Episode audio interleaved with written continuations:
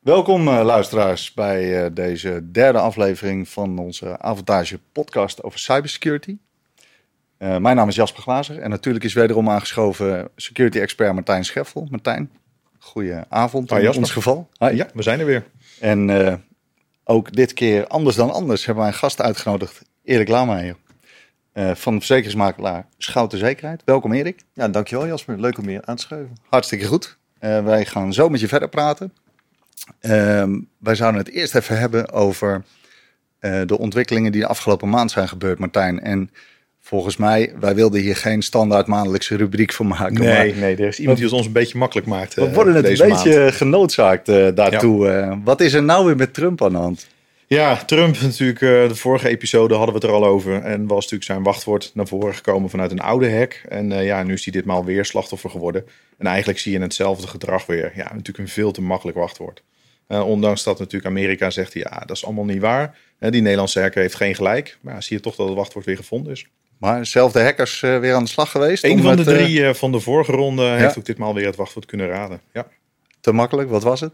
Het was Make America Great Again en dan afgekort 2020 uitroepteken. Dus okay. op zijn minst een complex teken erin. Dat is dan weer complimenten. Maar ja, daar ga je natuurlijk niet meer mee redden nu. Nee. Hey, nog andere dingen die opvielen de afgelopen maand uh, die gebeurd zijn? Zeker. Ik heb een, een drietal uh, items eruit gepikt. En ja. laten we daar eventjes doorheen lopen. Ja, prima. Nou, de eerste is wat, iets wat wij zelf ook al echt constateren. En dat is een, een enorme groei in cyberincidenten rondom bedrijven die gebruik maken van Office 365. Het is natuurlijk enerzijds feit dat je fijn dat je alles in de cloud hebt zitten. En daar ga je natuurlijk ook vanuit dat je beveiliging op orde is. Maar ja, we zien daar toch nog heel veel bedrijven die bijvoorbeeld geen MFA gebruiken. Dus geen extra factor bij het aanmelden.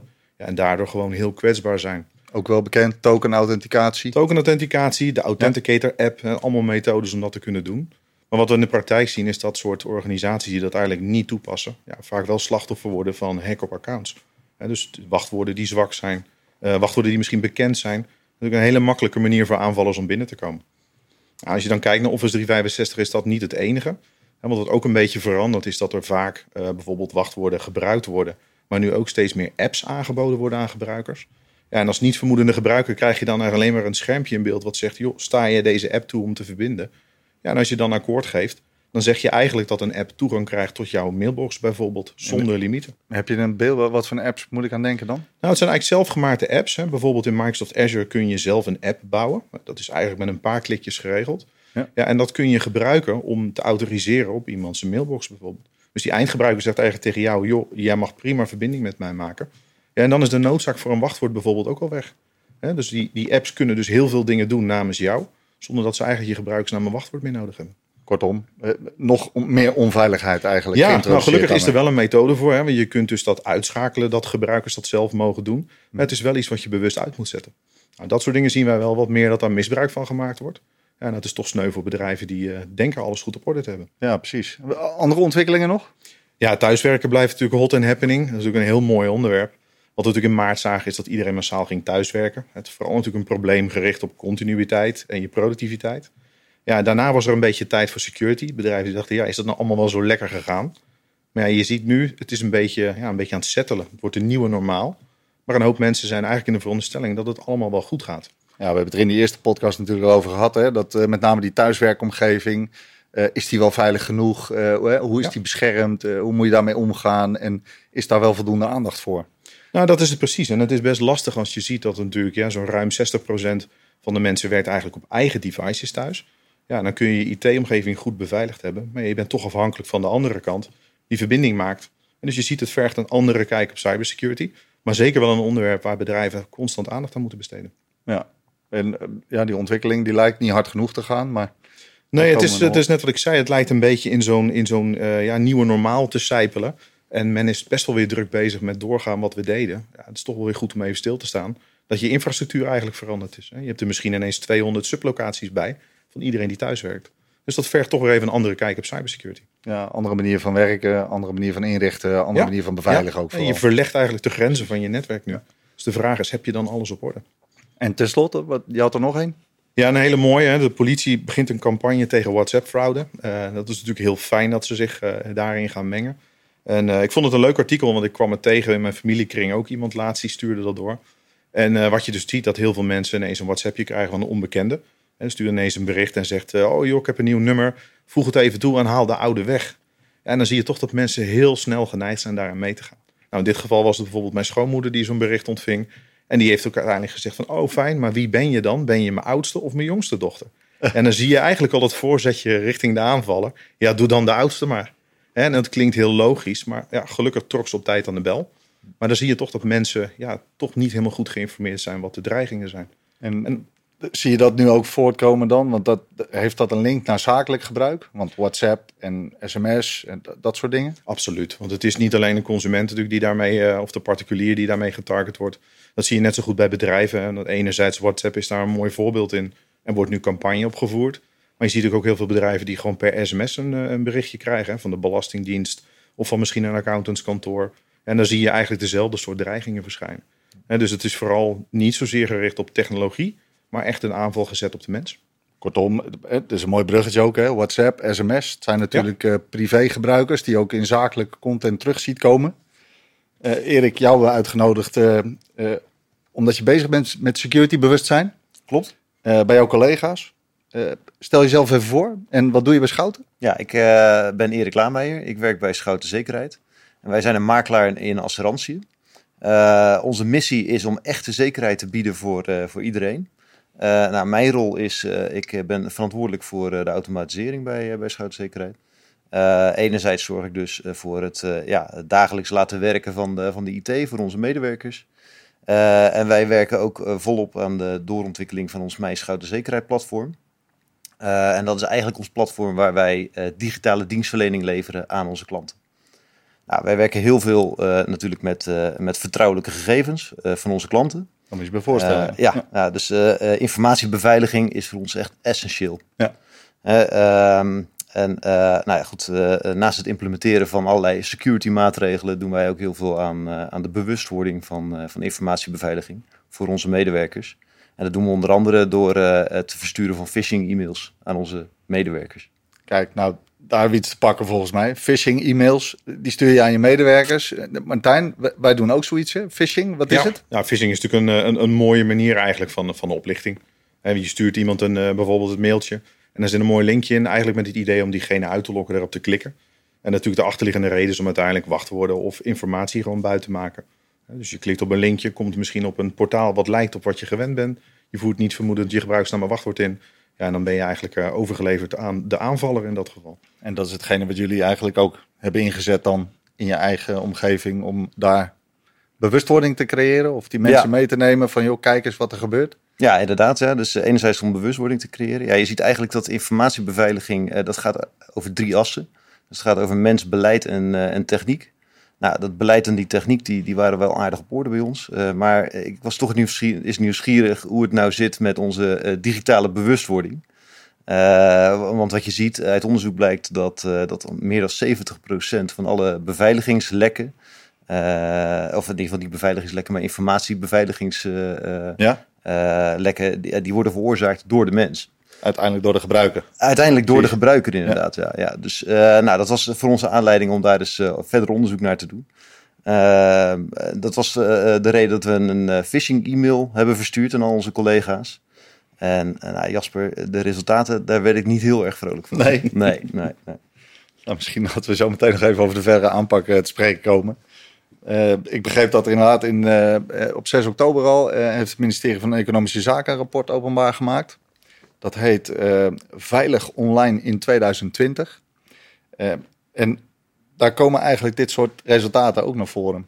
Uh, een kwart van de bedrijven die is zich maar bewust van het feit dat dit soort dingen kunnen gebeuren. Eén op de vijf zelfs, daar hebben we het al eerder over gehad, met die substantiële bedragen die daar ook nog mee gemoeid zijn. Ja. Die wordt ook daadwerkelijk simpelweg gehackt of aangevallen. Dat is ruim 78.000 euro hè, voor het MKB ongeveer als schadebedrag wat er uh, gesteld Precies, daar hebben we het al eerder over gehad. Nou ja, als dat niet de bewustwording zou, uh, zou verhogen of vergroten of weten dat we daar wat mee moeten doen, uh, dan moeten we daarmee aan de slag, denk ik. Wat was nu de trigger voor jullie om daar juist wel in te investeren dan, Erik? Nou, dat was wel, wel leuk.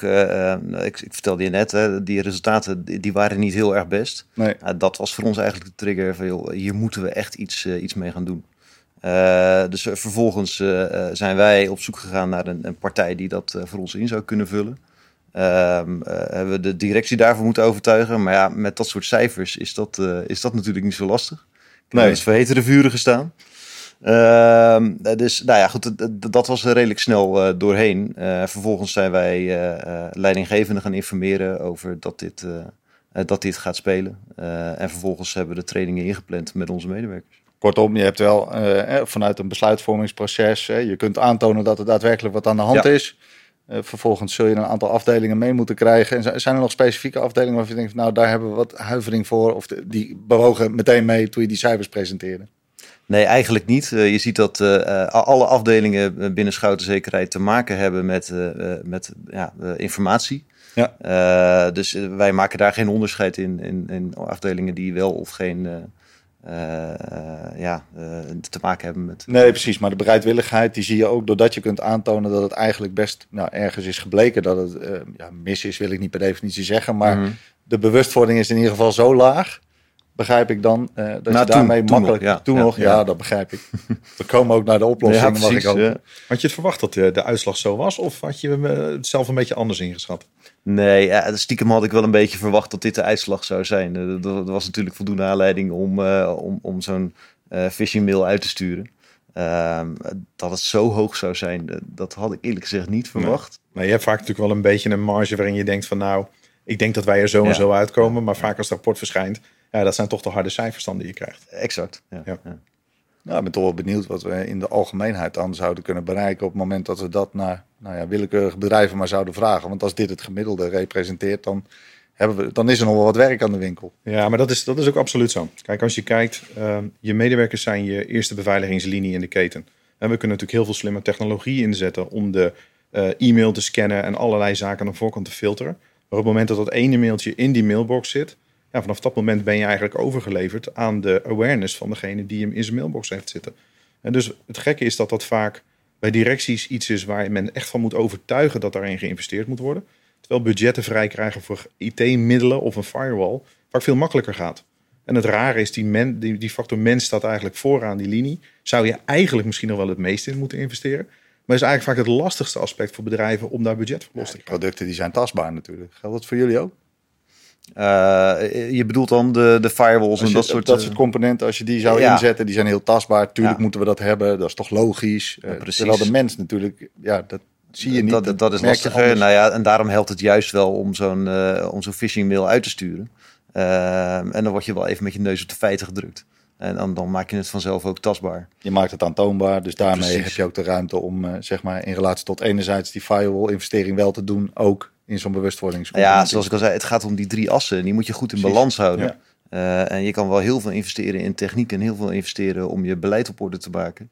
Maar ja, als, als, als die mens achterblijft, en eh, zoals jij zegt Martijn, dat is toch de, een van de zwakste schakels in heel die keten. Ja, dan, dan, dan, als het niet in balans is, dan is dat niet goed. Nee, maar dat zie je natuurlijk met technologie. Hè, dat kun je vaak makkelijk kopen. En, en het rare is dat iedereen ervan begrijpt dat dat veel geld kost. Het laten we eerlijk zijn, we zitten allemaal in IT en cybersecurity. Alles kost geld. Zo simpel is het. Maar wat je wel vaak dan ziet, is dat dus de budgetten die er zijn voor de, voor de cybersecurity awareness bij medewerkers gewoon veel lastiger zijn. Ja, en daar haal je denk ik toch een veel groter rendement uit uiteindelijk. Nou, ik vind het een mooie eh, afsluiter voor deel 1. Eh, ik denk dat we zo meteen verder moeten praten over wat het effect nou concreet is geweest. We hebben het verder gehad even over Trump nog. Ja, ja. En de andere eh, drie componenten richting eh, de WhatsApp-fraude en dat soort dingen. Zullen we een poll doen of die de volgende keer weer naar voren komt in de vierde? Of Misschien moeten we het aan de gebruikers eh, of aan de Misschien luisteraars leuke, vragen. misschien een leuke vraag voor de luisteraars. Wie daar eh, zo meteen mee terugkomt. Zometeen in deel 2 praten we met je verder, Erik.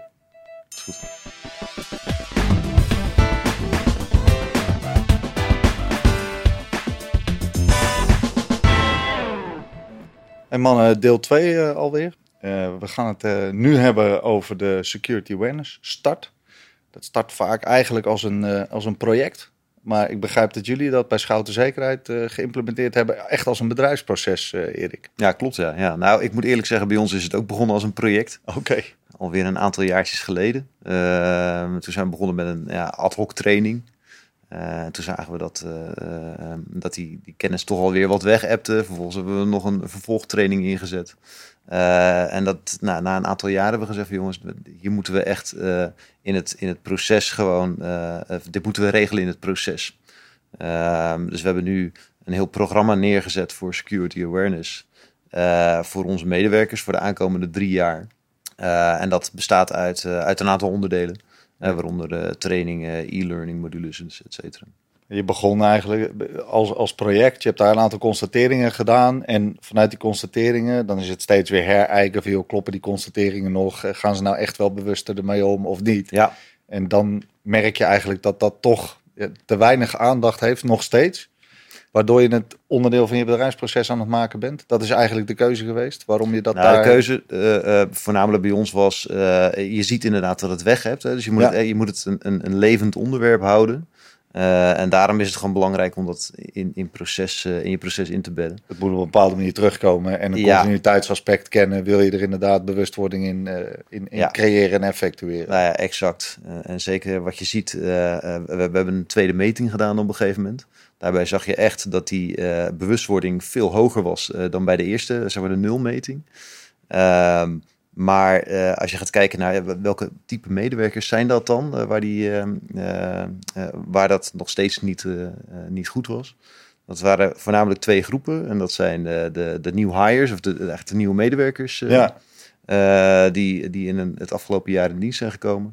En eh, ja, zeg maar de, de eh, even onderbieden gezegd, de digibeten eh, binnen de organisatie. Nieuwe medewerkers die kennen het nog niet. Dus daar is het misschien logisch van. Dus die Ja. hadden het niet verwacht Ja. wellicht. En, ja, ja, ja, precies. inderdaad. Ja. Maar Erik, is het dan als je kijkt, hè, want vaak wordt een beetje natuurlijk die awareness gezien als het, onderbiedig gezegd, als het probleem van de IT-afdeling. Hè, want eigenlijk is het natuurlijk veel meer een HR-aangelegenheid als je het bekijkt. Hoe is dat bij jullie dan? Is dat echt iets wat binnen jouw eh, scope of view valt hè, als, als hoofd IT? Of is het iets wat elders belegd is? Maar zo, is het wel begonnen. Dus eh, eh, IT heeft het initiatief genomen om, om die training te gaan verzorgen. In eerste instantie hebben we er nog over nagedacht om dat zelf te doen. Maar goed, daar, zijn professionele organisaties voor die daar ja. een veel beter en enthousiaster verhaal van voor neer kunnen zetten. Eh, dus dat hebben we ingekocht eh, bij, een, eh, bij een organisatie. Dan heb je het voor de new hires natuurlijk eigenlijk heel mooi vanuit het opstartproces van vanuit, meegenomen. vanuit het instroomproces wordt dat direct meegenomen, inderdaad. Dus een medewerker komt bij ons binnen. En die, die moet binnen een x aantal weken na een diensttreding moet hij een, een bepaalde basistraining Oh ja. ehm, afleggen. Dus dat zijn bepaalde basismodules om op een bepaald niveau te komen. Dus uit je nulmeting even voor nieuwe medewerkers, zeg maar. Exact. Ja, Ja. ja. dat wordt ook afgesloten met een kennistoets. Oh, leuk om te zien dat dat bij jullie er echt dan daar belegd is. Ik persoonlijk vind dat ook echt iets wat hoort eh, eigenlijk bij een HR-afdeling. Want dat zit natuurlijk vooral de nieuwe hires. Ja. daar heb je vaak al een inwerktraject. Dus een perfect moment om dat mee te nemen. En toch zie je eigenlijk dat in de praktijk het heel vaak een beetje gezien wordt als een... Ja, het probleem klinkt wat oneerbiedig, maar als het feestje van IT. Security awareness is techniek, dus IT.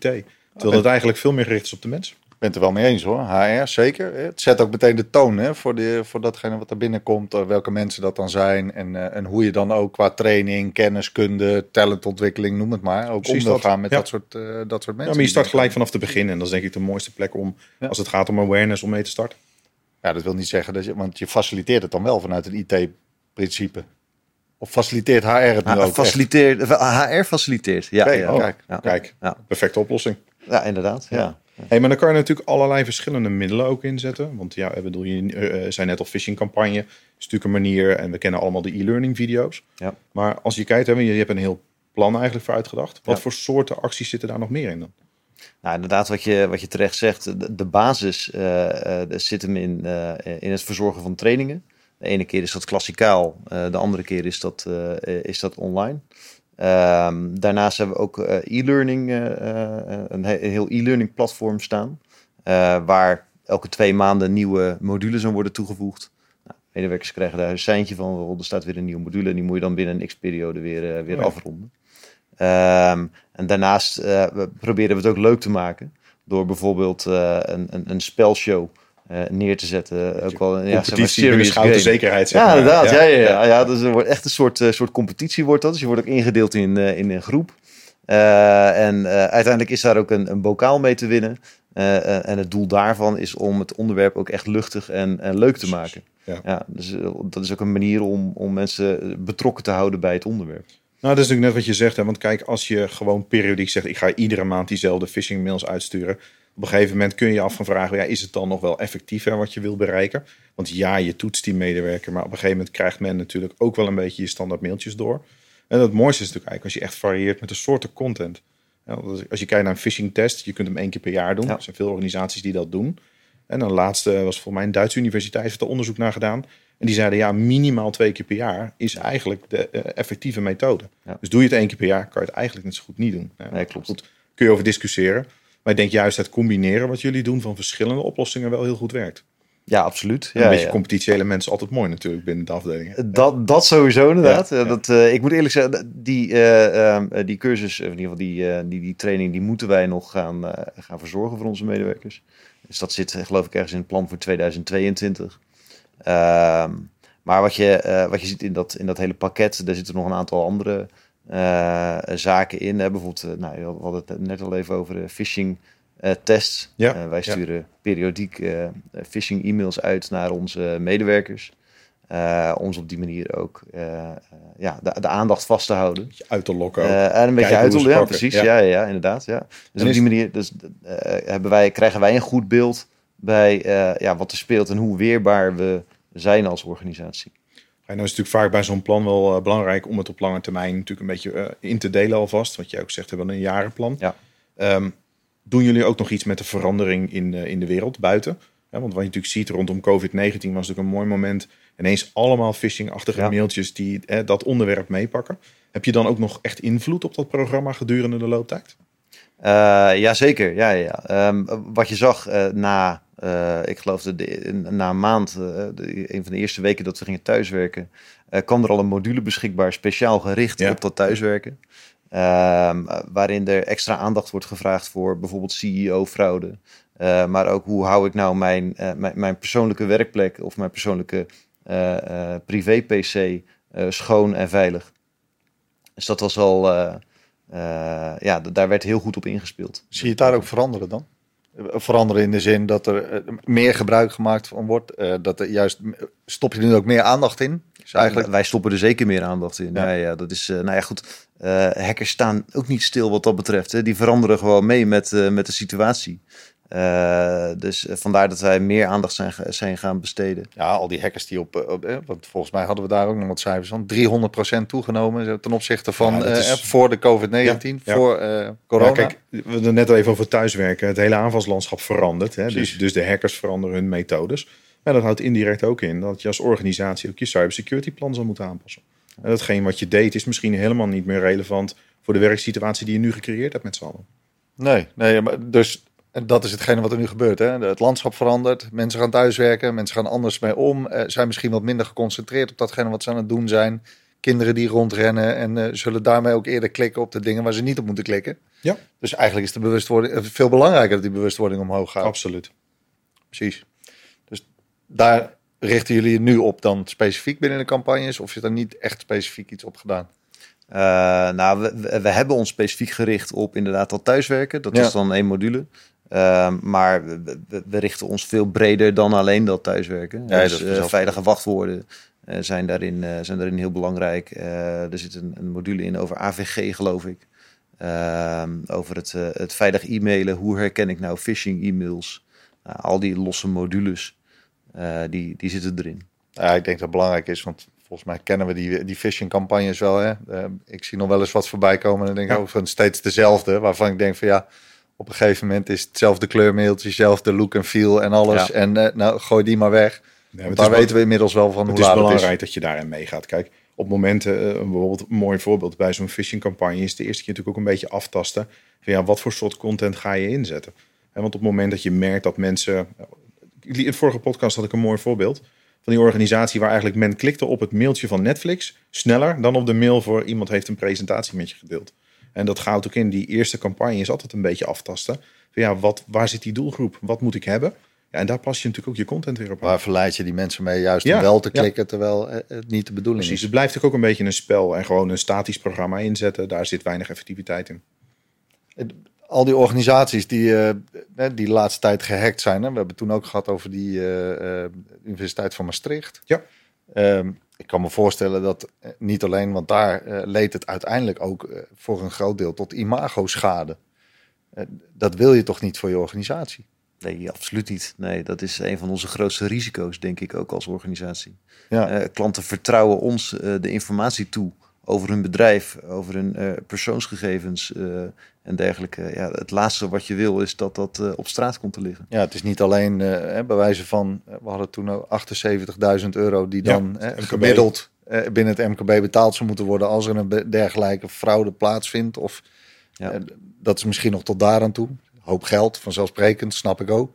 Maar het imago is natuurlijk lastiger te repareren. Exact. De reputatieschade die Precies. is A, lastiger te repareren. En B, is die reputatieschade veel hoger dan die 78.000 euro. Hoe kijk jij dan aan, Martijn? Nou, ik kan me nog herinneren dat we een tijdje terug eh, zat ik met Erik eh, hier op, eh, op ons bovenste etage in een overleg.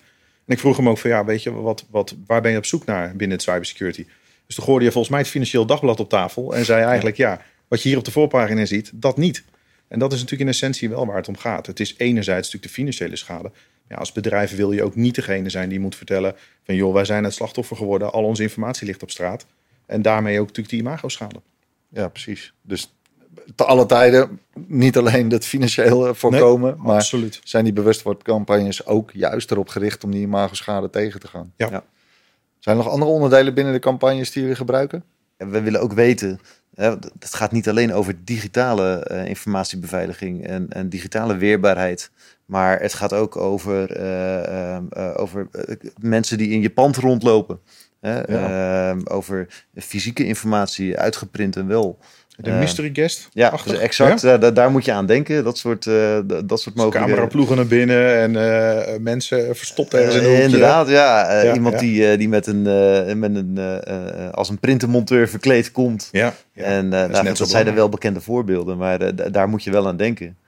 Om ook onze collega's daar juist van bewust te maken dat, dat, dat dat gebeurt. Het is een belangrijk element natuurlijk. Kijk, als je, ik weet dat nog van vroeger.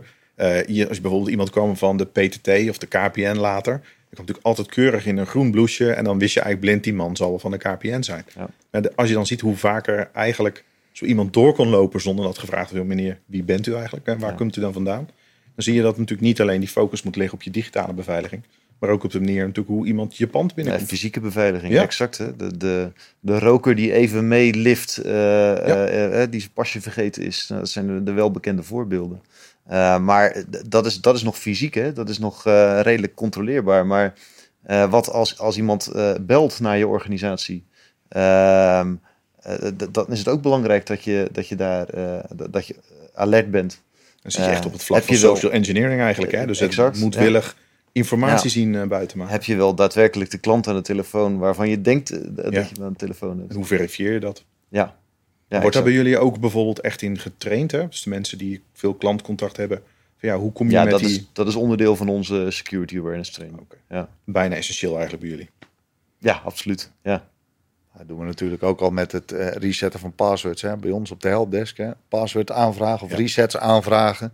Kunnen eigenlijk nooit zomaar gebeuren. Hè. Eh, een directielid of zo die belt met het verzoek om zijn password te resetten. Zul je toch nog eens even een belletje terug moeten doen. Om uiteindelijk te verifiëren of de juiste man of vrouw wel degelijk de vraag gesteld heeft ook. Het grappige is dan nog, hè, want ik ken natuurlijk de voorbeelden uit de praktijk. Dat de mensen op dat moment het eigenlijk maar vervelend vinden dat je dat doet.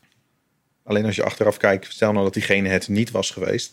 Dan waren ze denk ik blij dat je de controlevraag gesteld had. Zou dat ook Bent u wel onderdeel moeten zijn dan? Wellicht daarom juist zie je juist in- van de Daarom zie je veel bewustwordingscampagne. awareness campagnes. Hè? Natuurlijk niet alleen hoe ga je om met, met je informatie, maar ook hoe ga je om met wachtwoorden, hoe ga je om met mensen. Hè, dus net wat, eh, wat Erik terecht zegt, als iemand je belt, dat geldt voor onze service desk medewerkers natuurlijk ook precies hetzelfde. Ja, Het wordt er vaak niet leuker op. Eh, Nee. Het wordt er vaak niet makkelijker op. Maar het wordt er wel veiliger op. Dat zijn drie dingen die niet, eh, die, die niet verenigbaar zijn met elkaar. Nee, dat is een beetje Dus het lastige je- speelveld van cybersecurity. Enerzijds Ja. wil je het liefst zoveel mogelijk beperken. En anderzijds zoek je toch een beetje de, de balans tussen functioneel en veilig. Exact. Maar je zult dan ook daar wat tegen moeten of aan moeten doen. Dat men zich ook bewust is van het feit van die vraag wordt niet voor niks gesteld. Hè? Die is gewoon nodig maar om een hoger niveau beveiliging eh zo is te kun je introduceren. natuurlijk al, hè, want het is heel veel rondom cybersecurity. Ehm, je kunt van mensen heel veel dingen verwachten dat ze het begrijpen.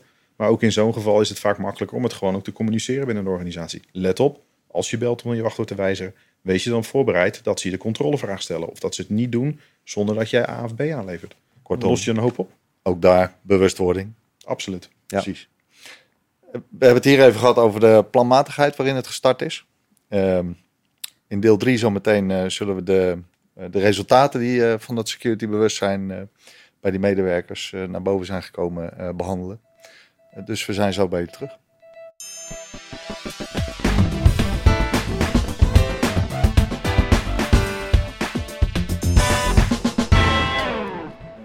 Heren, deel 3 zijn we aanbeland. En eh, waar gingen we het he- over hebben? Over de resultaten die eh, eigenlijk behaald zijn inmiddels met eh, het cybersecurity verhaal. En met name de bewustwording eh, daaromheen.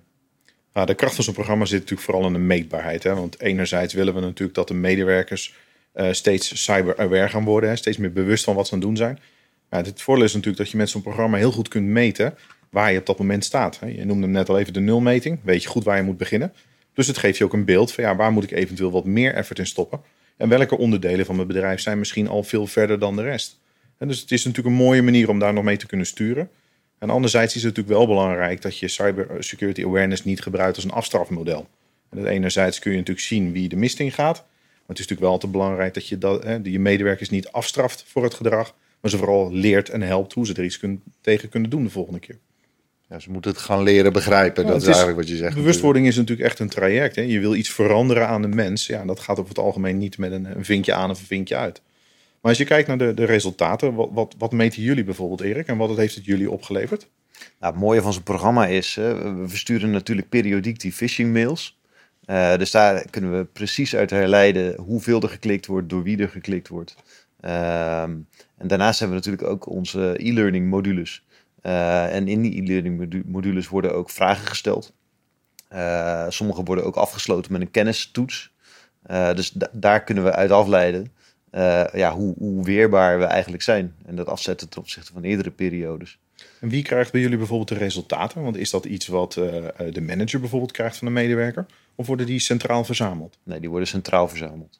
Daaruit wordt dan analyse gedaan, eventueel plan bijgesteld. En dan ga je weer nieuwe campagnes of nieuwe middelen inzetten. Ja, exact. Ja, eh, dat, dat zoomen we ook niet in tot op medewerkerniveau. Eh, precies wat je zegt. Je moet niet de medewerker gaan afstraffen, maar juist belonen. Ehm, waar we wel naar kijken is hoe verhoudt eh, eh, de, de voortgang van die e-learning zich tot het klikgedrag van een bepaalde Ja. medewerker. Nou, je wil uiteindelijk wel resultaat halen uit je campagne. Exact. Ja, ja dat, is, eh, dat, dat, dat zeg je goed. Hoe, hoe bewust worden, of hoe beter bewust ze zijn, hoe meer resultaat, of hoe positiever resultaat. En je gaat ze niet belonen met een bokaal. Dat is eigenlijk wat je zegt. Nee, dat, dat doen we niet inderdaad. Eh, nee. dat Natuurlijk is bij de game een beetje, want ja, we moeten natuurlijk wel wat te winnen blijven uiteindelijk. Nee, dat is onderdeel van het leuk maken inderdaad. Precies. Dus eh, hè, bij zo'n een beetje bij zo'n competitie game is eh, leuk. Bij zo'n spelshow doen we dat wel. Eh, en, en delen we ook voor, voor de, de, de winnende ploeg eh, bijvoorbeeld veilige USB-sticks uit of wat dan ook. Hè. Dat is wel een gadget die ook weer gerelateerd is aan informatiebeveiliging. Ja. Ja. absoluut. Ja, ja. Mogen ze niet gebruiken bij, bij ons kantoor trouwens. Maar...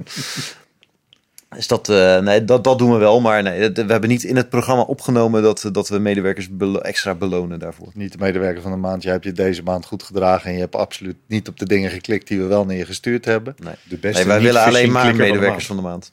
Nee, precies. de maand. Mooi streven. Nee, maar het gaat hier om natuurlijk om de balans van eh, waar, waar betrek je die of tot waar betrek je de medewerker, hoe vaak doe je die dingen en hoe hou je het inderdaad nog leuk.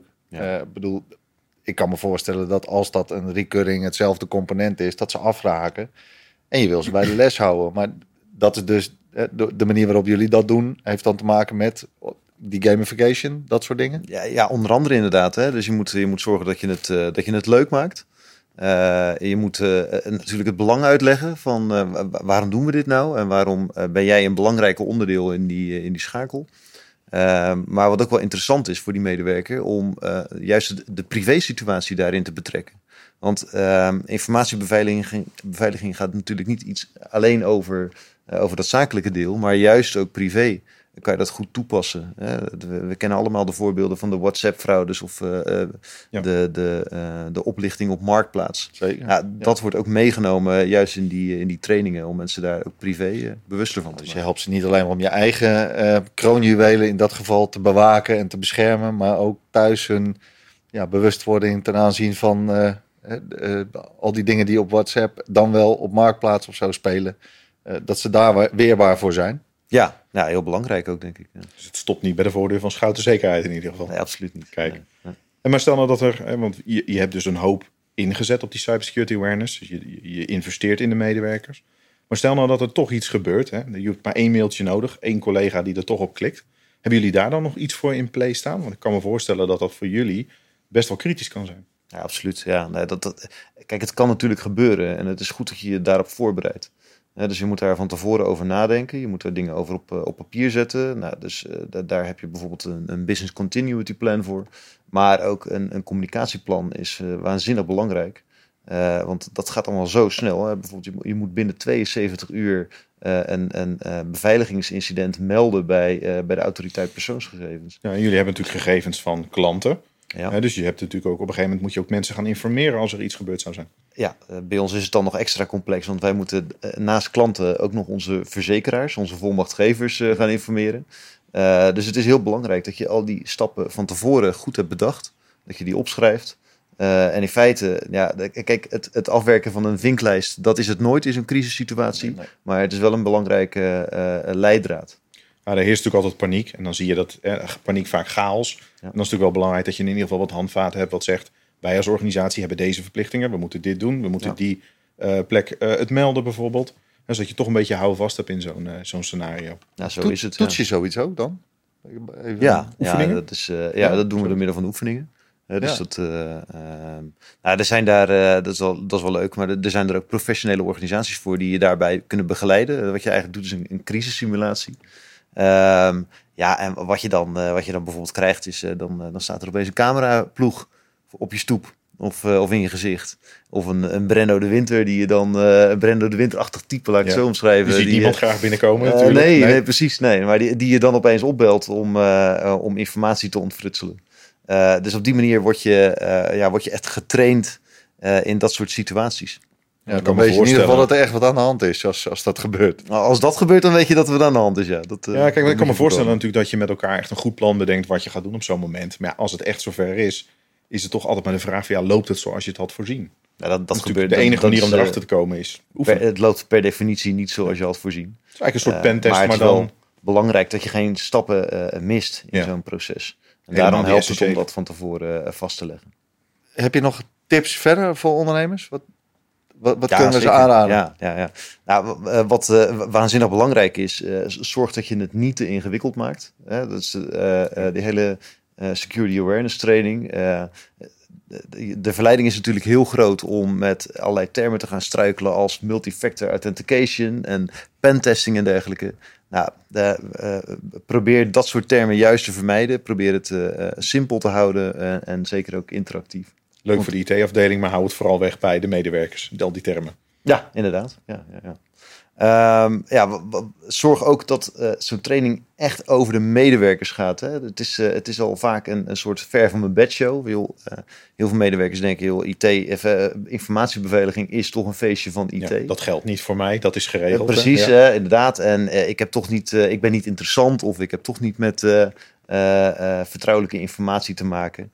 Eh, nou, dat, dat is allemaal eh, eh, niet aan de orde. Want iedereen kan slachtoffer worden. En nou, hoe hackers te werk gaan, is dat ze vaak onderop beginnen om zich langzaamaan op te werken. Dus iedereen is interessant voor een hacker. Dat, Ja. dat vergeten soms.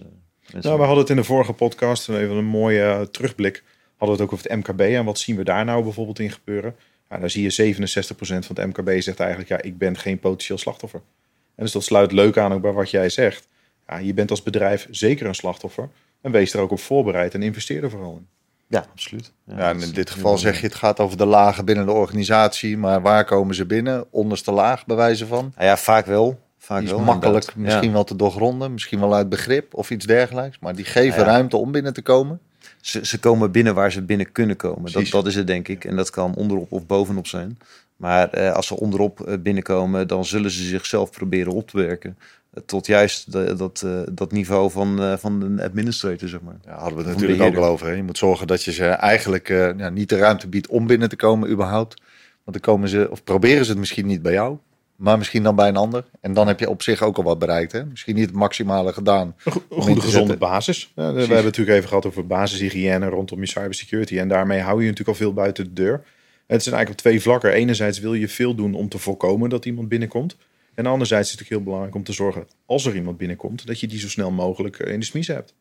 En Martijn, eh, we krijgen steeds meer vragen van onze luisteraars, ook naar aanleiding van die podcast. En eh, ik heb ook ervaring inmiddels, eh, als ik regelmatig bij klanten ben, eh, dat die ook vragen mij stellen van, goh, zijn passwords in het hedendaags gebruik nog van deze tijd? Helaas nog wel. Uh, ik bedoel, ik denk dat het leven voor iedere uh, IT-medewerker een heel stuk makkelijker werd als we daar afscheid van kunnen nemen. Maar je ziet natuurlijk steeds meer gebeuren rondom het, het paswoordloos werken. Uh, een mooi voorbeeld is bijvoorbeeld Windows Hello. Misschien dat je dat zelf ook wel gebruikt op je laptop. Ja. waar je naast die gebruiksnaam en wachtwoord eigenlijk multifactor authenticatie doet. Door middel van gezichtsherkenning. En het is natuurlijk makkelijker om even je gezicht voor de laptop te houden. Als iedere keer dat lange complexe wachtwoord in te toetsen. Nou, wat je daarin wel ziet, is dat er een hoop initiatieven worden genomen en een hoop technologie al is om dat paswoordloos werken te kunnen vereenvoudigen. En Microsoft is bijvoorbeeld bezig met de ondersteuning um, voor de zogenaamde uh, hardware sleutels. Hè, dus echt de, een beveiligingssleutel die je eigenlijk in je laptop Niet meer een beetje terug naar vroeger? Dat is een beetje het idee vroeger van die sleutels die je had met zo'n wisselende code. Maar eigenlijk als je ziet, nu wordt dat meer gebruikt als een primaire manier van aanmelden. Dus waar je gewend bent gebruiksnaam, wachtwoord en multifactor ga je veel meer naar scenario's toe waar je bijvoorbeeld met een code op je scherm en een code op een app gaat kijken of dat overeenkomt en zegt oké, ik verifieer dit. En dat maakt het natuurlijk een heel stuk makkelijker dat je geen lastige wachtwoorden meer hoeft te onthouden. Want inmiddels heeft natuurlijk iedere website, ieder portaal, en dat zie je jullie ook, mijn schouten zekerheid zal ook een apart wachtwoord hebben. Het wordt steeds lastiger voor mensen om al die wachtwoorden te onthouden. Dus het gevaar, eenvoudige wachtwoorden, neem Donald Trump, toch een presidentsaccountje, lastig.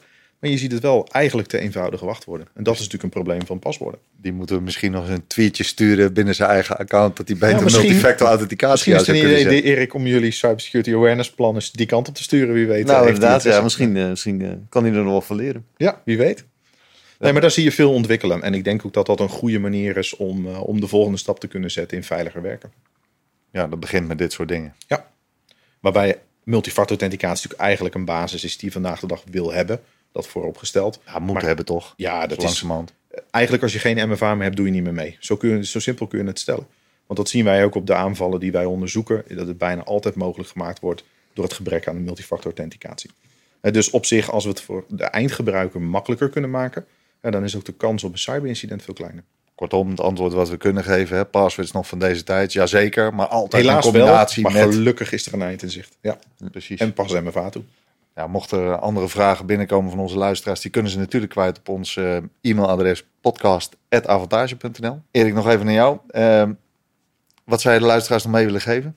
Nou, ik denk wat heel erg belangrijk is, is dat je uh, informatiebeveiliging, dat je een integraal plan maakt van informatiebeveiliging. En daar is security awareness natuurlijk een belangrijk onderdeel van.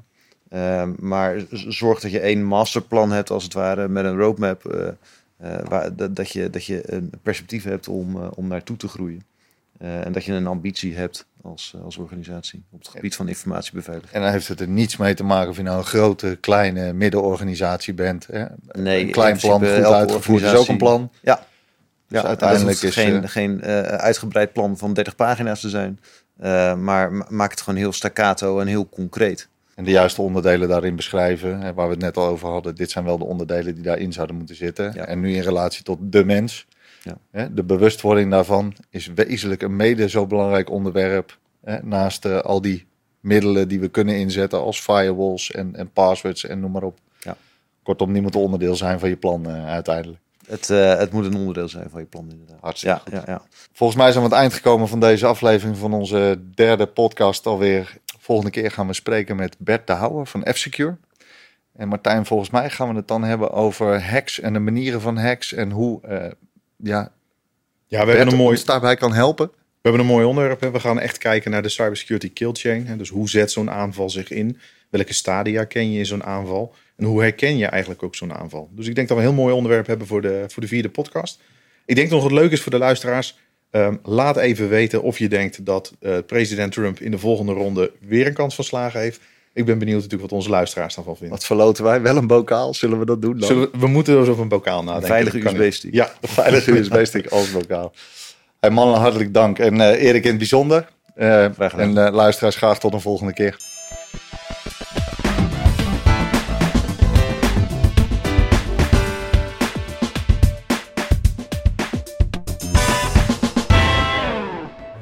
Podcast wordt je aangeboden door Avantage. Avantage makes IT simple.